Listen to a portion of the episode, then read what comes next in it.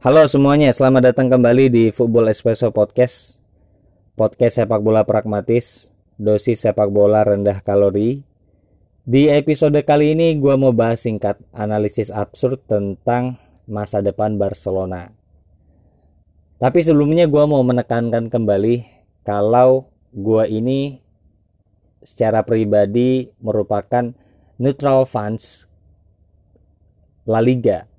Jadi gue bukan pendukung Real Madrid, bukan supporter Barcelona atau klub-klub lain di La Liga seperti Atletico dan Sevilla.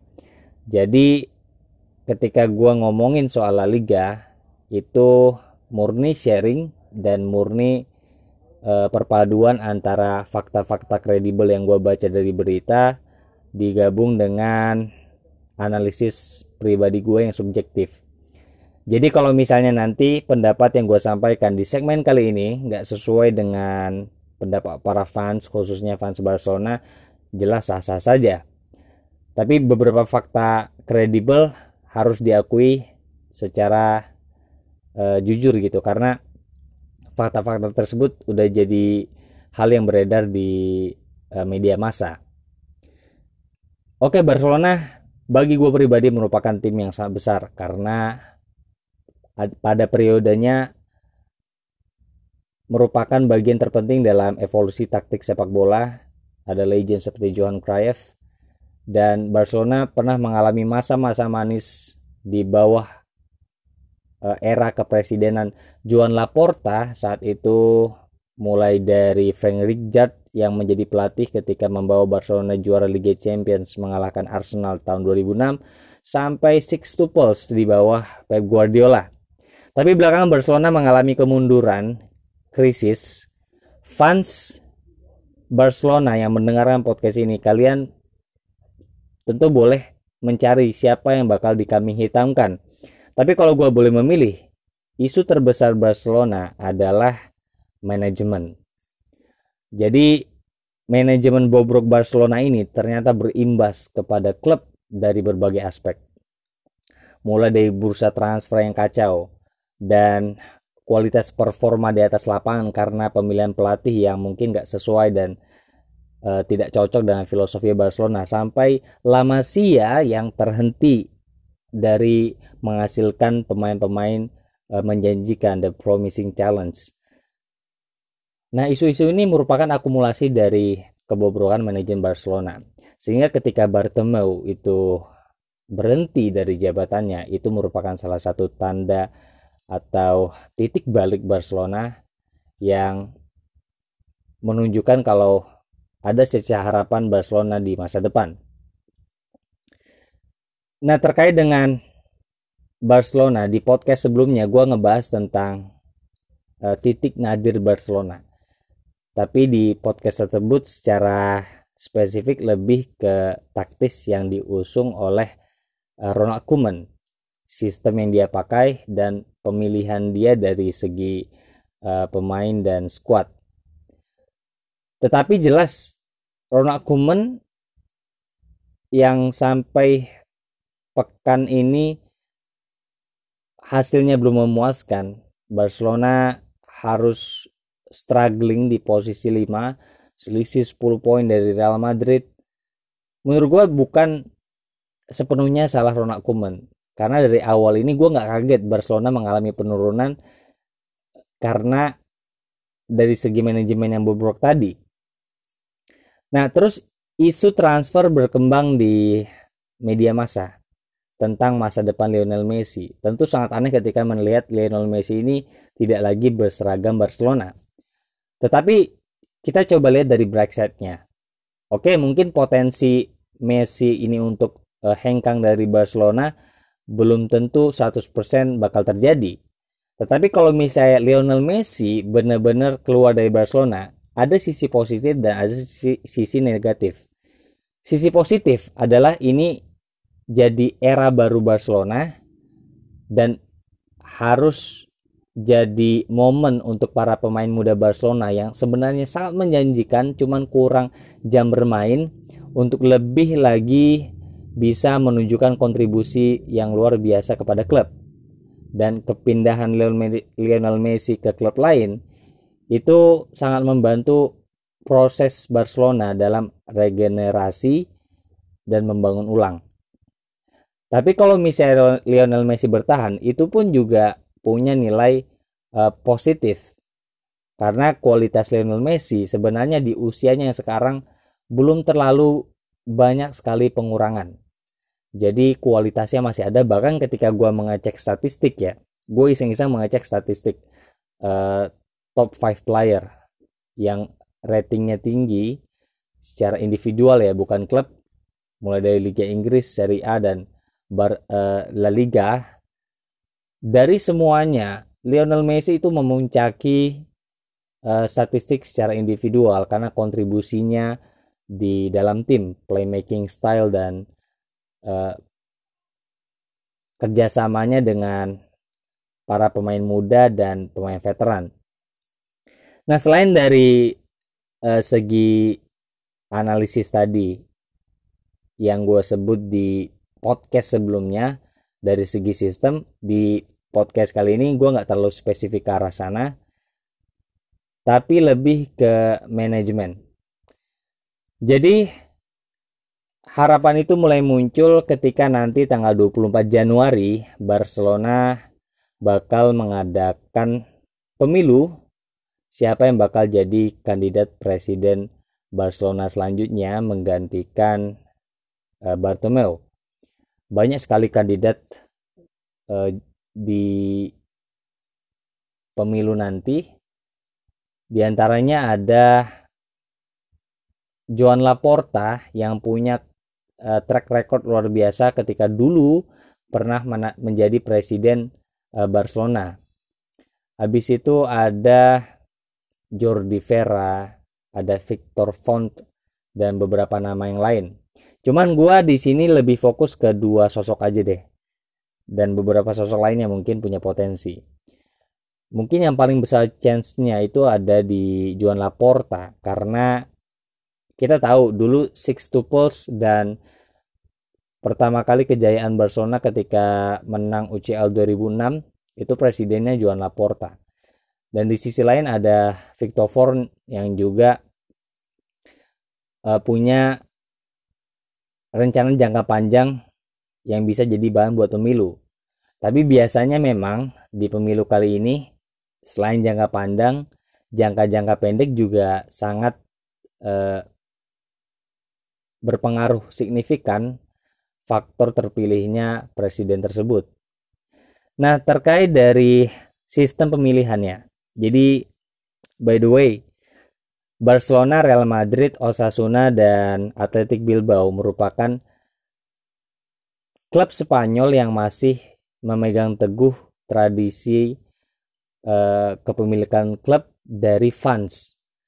Nggak kayak klub-klub lain di Eropa atau beberapa klub lain di La Liga seperti di Chelsea ada Roman Abramovich di Manchester United ada Ed Woodward di mana itu sistemnya kepemilikan terbatas sedangkan Barcelona Real Madrid Athletic Bilbao dan Osasuna masih teguh dengan sistem kepemilikan yang berbasis dengan fans.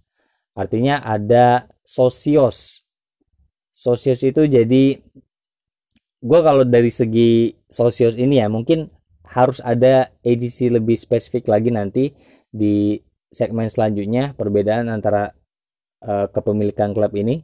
Intinya sosios ini mereka adalah uh, para pemegang uh, atau para fans yang punya hak untuk memilih presiden siapa yang bakal uh, menjadi kelanjutan dari klub tersebut.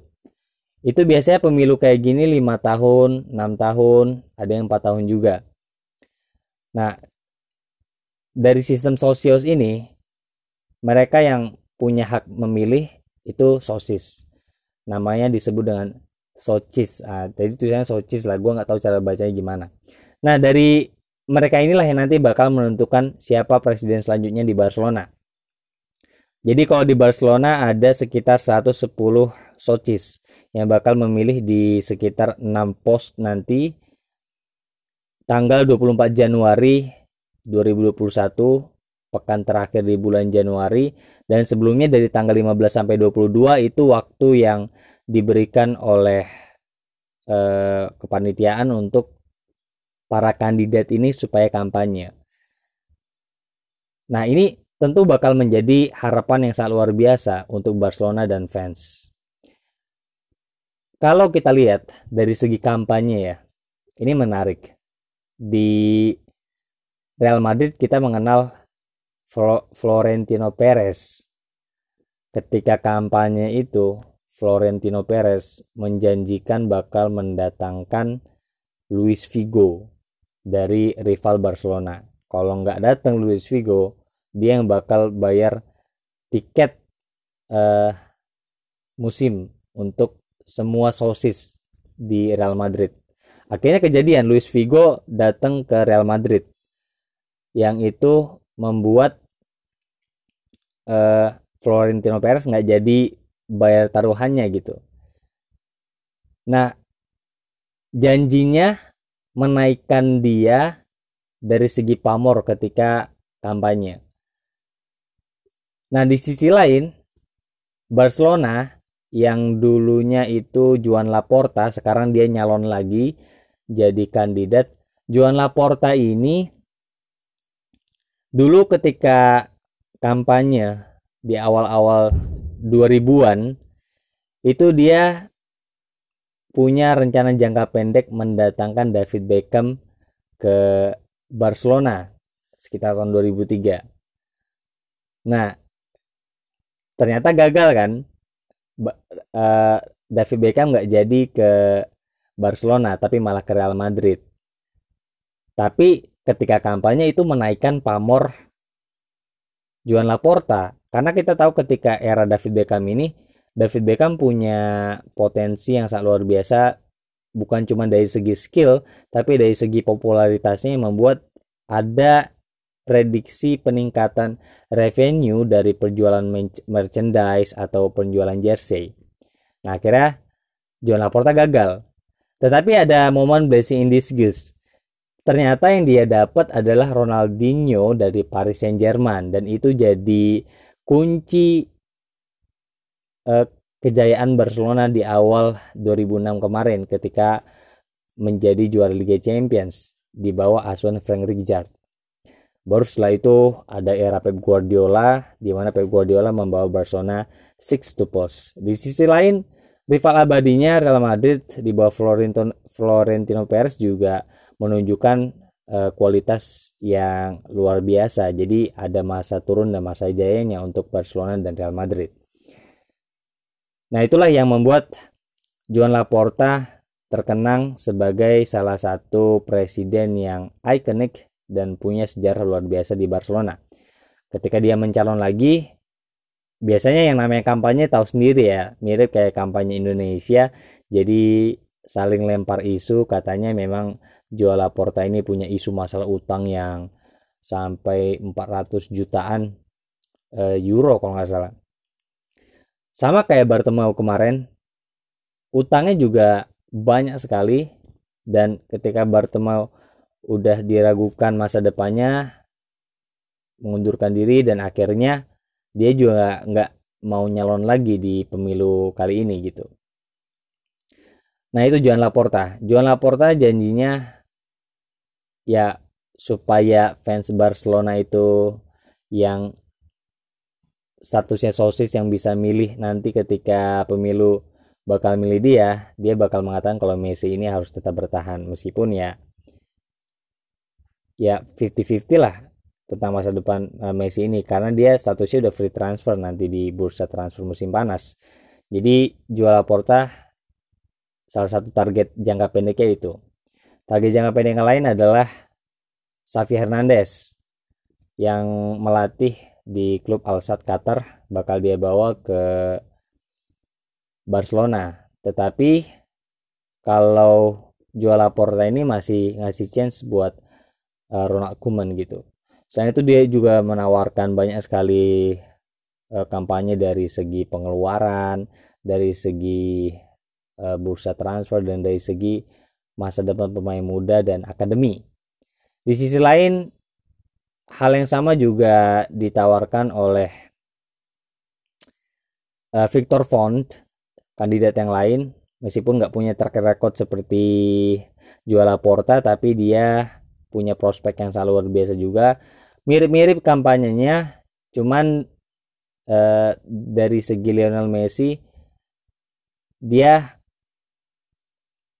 uh, lebih ke yes to change. Jadi kalau Lionel Messi pindah, oke, okay, kita coba cari cara yang lain untuk bisa merubah Barcelona uh, menghadapi masa depan. Itu kalau dari Victor Font. Sisa yang lain ada Vera, ada Freixe. Nah, itu nanti masalah politik klub raksasa Katalan ini gitu.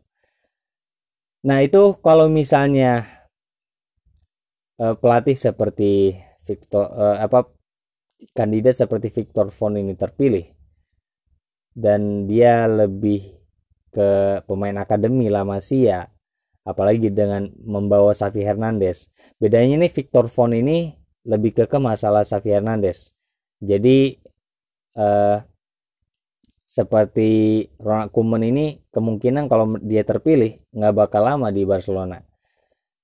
Nah terkait hal tersebut seperti halnya juala Porta kalau Victor Font ini dia lebih mengedepankan adanya pemain-pemain yang berpotensial dari akademi. Jadi pemain seperti Dembele, Griezmann, habis itu Coutinho itu kemungkinan nggak bakal bertahan lama di Barcelona. Jadi itu ya sebenarnya bahan politik mereka sih. Ada sisi positif dan sisi negatifnya juga gitu.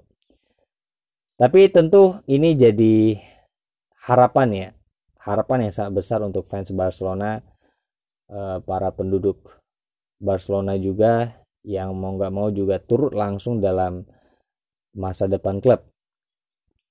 Memang dari sistem sosios ini banyak sekali hal positif dibanding kepemilikan terbatas atau kepemilikan individual dari sebuah klub. Jadi benar-benar fans itu yang bisa menentukan mulai dari klub itu nggak terlalu jor-joran dalam belanja pemain. Tapi memang sebenarnya secara garis besar sih tetap aja e, nanti yang dia pilih presiden yang terpilih lah yang paling punya andil besar dalam e, decision making untuk masa depan klub. Nah menurut gue gitu. Nah kalau singkat dari segi kedalaman skuad ya sebenarnya prospek Barcelona juga sangat tinggi sih. Cuma belum menemukan uh, sistem yang klik. Kalau gue jadi fans Barcelona, gue nggak bakal terlalu menyalahkan Ronald Koeman karena pelatih sejenius apa pun itu nggak bisa sekonyong-konyong langsung ngasih impact yang sangat luar biasa uh, dalam musim pertamanya gitu. What did we expect gitu? Artinya lo ngarapin apa sih dari sistem manajemen bobrok yang ini udah terjadi beberapa tahun yang lalu harus ada perubahan radikal gitu. Jadi ya enjoying the moment aja gitu. Yang namanya klub ada jatuh bangunnya ada masa jayanya ada masa uh, runtuhnya gitu. Dan itu kan terjadi juga di Liga Inggris seperti Liverpool yang baru setelah 30 tahun kembali juara Liga Inggris. Habis itu Leeds United yang baru promosi Manchester United yang udah 7 tahun nggak juara. Ya menurut gua sebagai seorang fans sih kita lebih fokus mendukung tim kita aja daripada terlalu banyak menghujat uh, klub yang lain. Menurut gua itu udah terlalu toksik dan negatif banget sih. Jadi nikmatilah uh, klub kita gitu apa pun yang terjadi. Bahkan ketika degradasi atau kalau misalnya lo setia dengan klub ya nggak ada salahnya sih namanya juga klub. Kita nggak bisa memberikan impact langsung cuma bisa ngedukung gitu ya. Tapi ya itu kembalilah ke orangnya masing-masing. Fans kan banyak yang banter juga dikit-dikit menghujat dikit-dikit uh, apa uh, caci maki. Padahal kontribusinya apa sih buat uh, klub tersebut gitu. Paling juga glory hunter aja. Jadi ketika klub tersebut menang ada momen untuk sombong. Jadi kalau mau fair mah mending udah kita enjoying the moment sisi emosionalnya kita dapet tetapi tidak perlu terlalu uh, ribut. Jadi santai aja masalah uh, debat-debat nggak jelas itu gitu. Ya kalau gue dari segmen kali ini itu aja. Jadi di bawah santai aja ke depannya. Nggak usah terlalu ngegas. Tenangkan diri dan nikmati the beautiful game sampai ketemu di Football Espresso Podcast sesi selanjutnya. See you next time